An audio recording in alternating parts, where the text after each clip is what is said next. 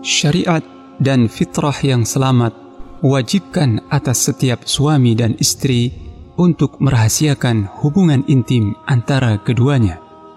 Karena itu, siapa saja yang menyebarkan rahasia hubungan intim dengan pasangannya, maka ia akan dibangkitkan pada hari kiamat kelak dalam keadaan dimurkai oleh Allah Subhanahu wa taala.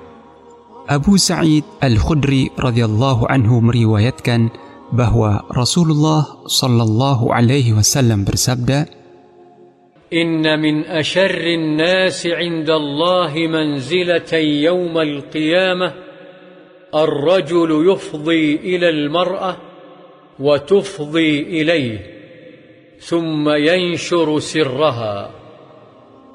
Di antara orang yang paling buruk kedudukannya pada hari kiamat nanti adalah seorang suami yang menyetubuhi istrinya lalu ia menyebarkan rahasia ranjang mereka kepada orang lain.